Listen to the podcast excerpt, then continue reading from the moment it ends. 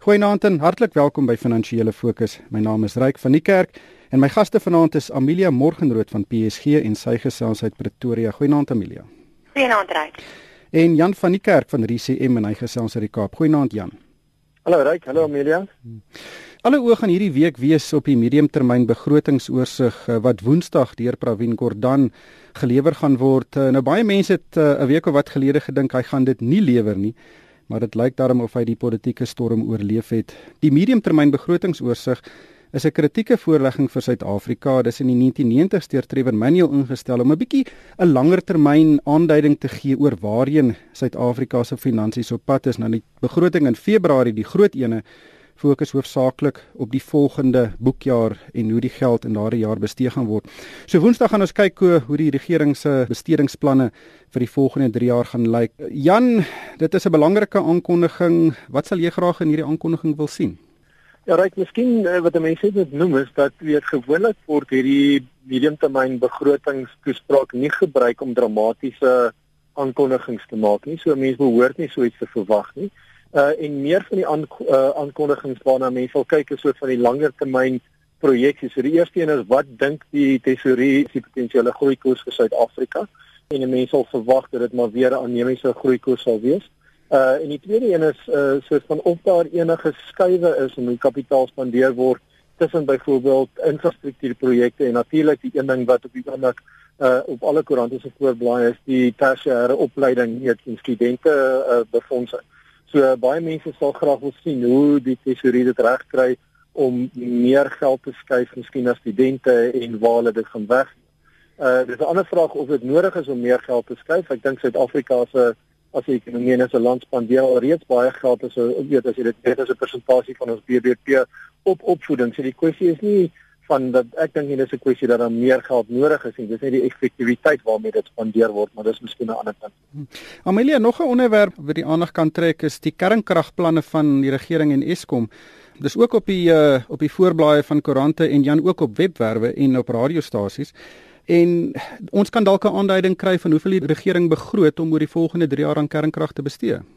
Ja, en dit is wel interessant, ek wonder of daar enige iets sou wees daaroor, right? want soos ons kan soos ons agterkom dis daar daar's maar dit is maar 'n redelike geheimsinnigheid gehul al hierdie planne. Ehm um, die laaste uh, veranderinge aan die plan wat in 2014 aangebring is en daar's nie weer 'n nuwe opgedateerde plan op die tafel gesit nie en soos ons verstaan ehm um, gaan Eskom dit van hulle eie balansstaat af doen en ehm um, dit self finansier. So ek is onseker of daar enigstens daarvan melding gemaak gaan word. Ek dink dit gaan um, ek dink dit gaan 'n moeilike midtermynbegroting wees vir Pravin Gordhan want ek dink ook die kredietgraderingsagentskappe se gaan se volke sit en kyk na wat hy te sê het.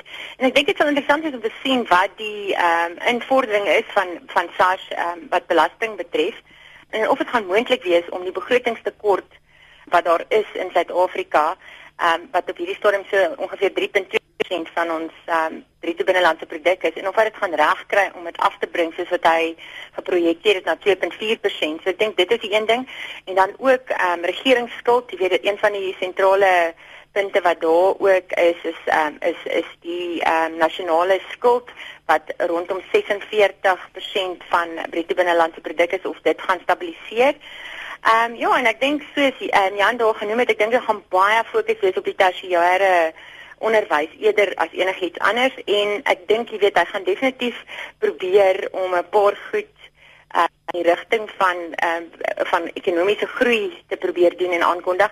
Maar vir my dink ek persoonlik soos wat al die ander begrotings is, ehm um, die laaste jaar of 2, 3, dink ek nie daar gaan enigiets wees wat die plafon gaan uitskiet nie. Hmm. Jan, die die kwessie van belastinginkomste is belangrik. Party kommentators het hierdie week gesê hulle verwag dat die belastinginkomste tot 30 miljard rand onder die begroting van die Suid-Afrikaanse Inkomste Diens kan wees. En dit gaan natuurlik 'n groot impak hê op die uh, begrotingstekort en en sommige mense voel dit kan tot 'n uh, halwe persentasiepunt byvoeg by die tekort en dat dit uh, hoër as 4 tot hoër as 4% kan styg. Uh, dit en dit gaan natuurlik 'n baie negatiewe sein uitstuur. Ja, dis dis natuurlik reg. Onthou 30 miljard is 'n groot bedrag, maar ons jaarlikse inkomste vir die fiskus uh weet is oor 'n triljoen rand reeds. So ehm um, dis miskien uh weet in die konteks is dit kleiner. Uh, maar jy's reg, die ekonomie groei swak uh, en die ontvangste diens sukkel om hulle teikens te haal. En dit is hoofsaaklik maar as gevolg van uh weet die die swak uh, ekonomie.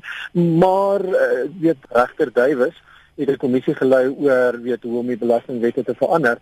En sy kommentaar algeheel na die tyd was dat weet ons het al die belastingwette in plek en daar's baie min plekke waar die inkomste diens kan fokus. Ons weet dat die twee groot areas waar daar gefokus word op die oomblik uh is uh, wat Engels noem transfer pricing so dis die prys wat Suid-Afrikaanse besighede betaal vir werk wat hulle in die buiteland doen. Uh en die ander ding is natuurlik kapitaalwinsbelasting uh waar die vrees is dat dit gaan verhoog om daai gaping toe te maak. Amelia net laastens hierdie uh grotingsoorsig gebeur binne 'n uh, baie onstuimige politieke omgewing. Hoe hoe moet mense uh, weet die die boodskap uit die begrotingsoorsig vereensalwig met wat in ons politiek op die oomblik gebeur? En ja, ek dink die grootste verrassing vir ons na die laaste paar weke se gebeure is dat Pravin Gordhan wel hierdie begroting gaan aanbied. Um, ons het almal gedink in hierdie tyd is hy omtrent het hy al bedank of hy's in die pad gesteek. Maar ek dink die politieke onsekerheid wat daar is in die druk van besigheid Suid-Afrika se kant af en selfs binne die ANC, um, is dit baie duidelik dat dit nie so maklik gaan wees om van Pravin ontslae te raak nie en ek dink ook dit gaan 'n uh, de, definitiewe afgradering wees van ons soewereine status uh, indien dit sou gebeur en ek dink weet soos as jy gaan kyk na wat in die markte gebeur met die rand op byvoorbeeld is dit duidelik dat die rand ehm um, of die die markteprys in dat Provin Gordhan sy werk gaan behou Um en die politieke onsekerheid, ek dink ek is 'n bietjie op die agtergrond geskuif vir die oomblik. Um daar was redelike stabiliteit so nader na die einde van die week toe. En ek dink weet ons as as Suid-Afrikaners um is al so gedesensiteer en al die skokke wat ons moet verwerk dat ons kom baie vinnig oor dit en ons beweeg aan.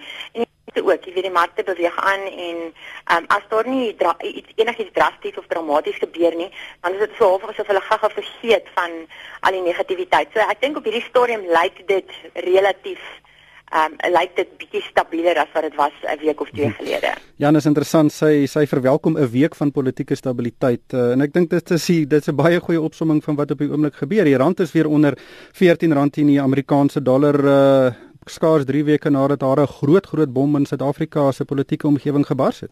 Ja, ek dink eh uh, die samelewing het gewoond geraak aan die onsekerheid en dat daar eh uh, weer dat dit 'n hele tydjie gaan vat om uit te speel en ek dink dis maar wat deurkom uh, in die pryse ry. Ehm um, ons het die week uh, Janne inflasiekoers gesien van 6,1%. Dis natuurlik bo die sit die Reserwebank se inflasieteiken van tussen 3 en 6%. Uh dis ook 'n bietjie hoër as Augustus se 5,9% en daar was groot stygings in kospryse, behuising en munisipale rekenings soos water en elektrisiteit. Uh Jan, wat het jy gedink van daai syfer? Ja, ek dink dit is in die konteks van 'n internasionale wêreld waar inflasie eintlik baie laag is in meeste lande. Ehm um, en heelwat van die die faktore wat bydra tot ons hoër inflasiekoers soos jy genoem het eh, heel wat daarvan is onder is nie onder beheer van die verbruiker uh of uh van die ehm um, die, die reservebank so die administratiewe kostes uh behuisingskostes uh et cetera. So uh, ek is nie verbaas dat dit so so hoog is nie. Uh maar mense sal verwag dat die inflasiekoers uh, weet net hier bo die 6% sal bly vir 'n tyd. Ek dink nie Suid-Afrika 'n omgewing waar ons weghol inflasie gaan sien. Dink jy dit kan lei tot 'n rentekoersverhoging? Ek weet nie ek twyfel of ons 'n rentekoersverhoging of ekonomie rentekoersverhoging kan uh kan absorbeer.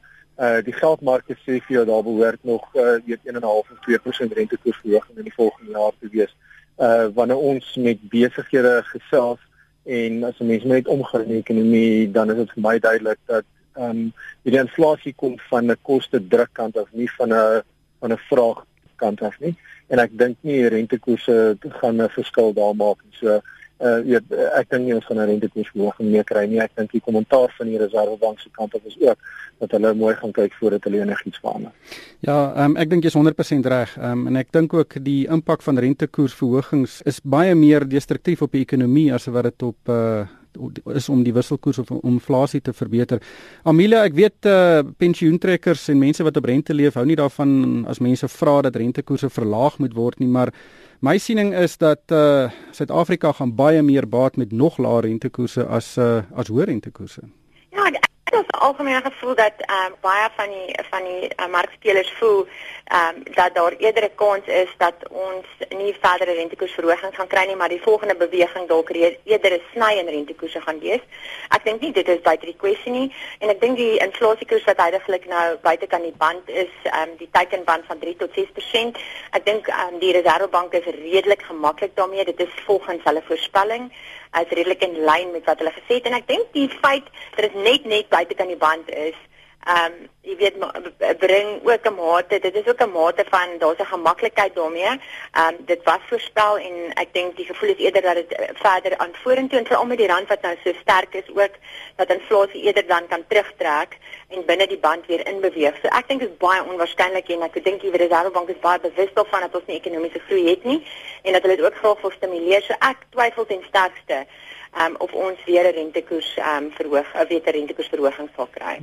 Natuurlik is is kospryse een van die faktore wat die inflasiekoers heelwat opgedruk het. Nou ons het die week lekker reën gesien oor die oor die hele land en 'n goeie landbouseisoen kan natuurlik uh weet 'n paar kospryse weer afdruk wat ook uh, 'n uh, goeie nuus vir inflasie is.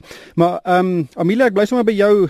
Praat nou nie baie oor uh uh resultate van individuele maatskappye nie, maar maar Pick n Pay het goeie resultate hierdie week aangekondig en dis natuurlik een van Suid-Afrika se grootste kleinhandel handelsname wat in Suid-Afrika gebore is. Ehm um, sy wesensverdienste op 24% ehm um, en is verreweg die grootste groei syfer van enige kleinhandelaar wat ons die afgelope paar maande gesien het. Ehm um, wat het jy daarvan gedink? Ja, dit is baie goeie syfers reg en dit sluit net weer aan by daai punt. Mense vra altyd maar as daar nie ekonomiese groei is nie en dit gaan so sleg met die ekonomie en die politieke sit de mekaar, ehm um, wat dan nou van ons aandele bees en maatskappye en hierso kan jy nou net weer eens sien dat daar baie keer 'n diskonneksie is tussen ehm um, hierdie goed, ehm um, want 'n maatskappy word bestuur uh, die, uh, op 'n sekere manier en as 'n maatskappy reg bestuur word en hy weet van al die uitdagings wat daar voor lê en doen die nodige om daardie uitdagings te oorkom, dan kan dan kan hy baie geld maak. Ehm um, en hy kan baie goed doen en jy weet natuurlik Richard Brasser wat aangestel is by Pick n Pay ehm um, 2, 3 jaar gelede het 'n hele langtermynplan in werking gesit om winsmarges te verbeter, verkope te verhoog en hy het dit uit dit reg gekry en hy kry dit steeds reg ondanks die moeilike handelsomgewing.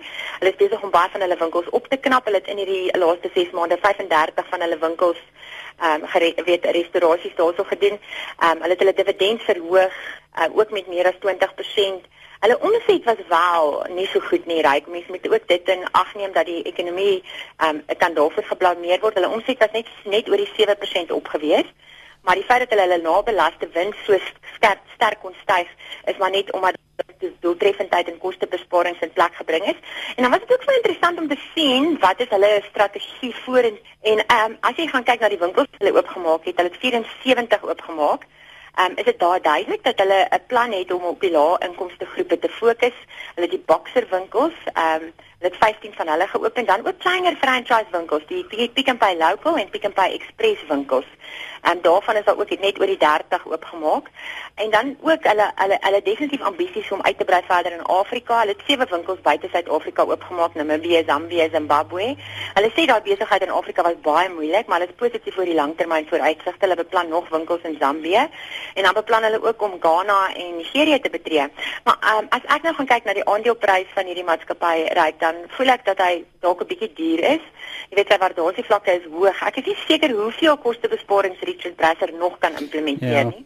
Ehm um, jy weet in Shoprite en Spar byvoorbeeld en Woolworths se resultate, laaste stel resultate was nie sleg nie. Hulle het ook um, meer as 15% almal van hulle gegroei.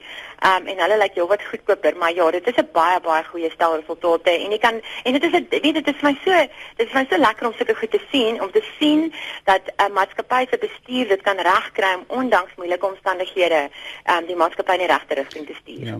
Jan hierdie Richard Brasser is 'n interessante kerel. Hy's natuurlik onder 'n wolk by Tesco weg uh, so 'n paar jaar gelede en hy's uh, uit die bloute uit by Pick n Pay aangestel.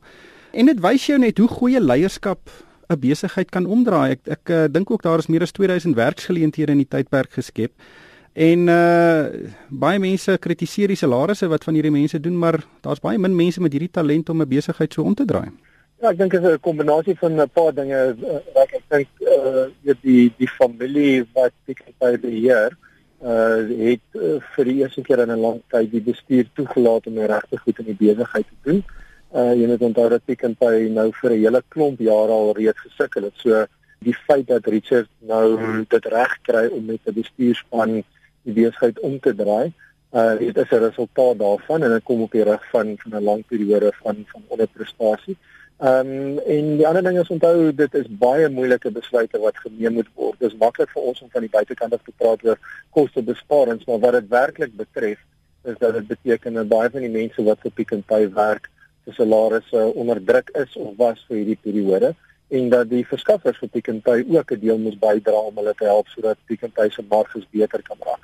Die die een interessante ding uh, wat Amelia nie genoem het nie is so wat my opgeval het is dat hulle hulle online shop uh, of hulle online winkels se se verkope het met oor 35% gegroei. So dit gee tog vir jou 'n idee dat die Suid-Afrikaanse samelewing meer en meer uh geneer raak om aanlyn uh, aankope te doen en Pick n Pay is natuurlik een van die groot aanlyn winkels in Suid-Afrika. Ongelukkig het die tyd ons ingehaal. Baie dankie aan Amelia Morgenrood van PSG en Jan van die Kerk van RCM en van my ryk van die kerk. Dankie vir die saamluister en ek koop werklik ons hoor Woensdag 'n bietjie goeie nuus.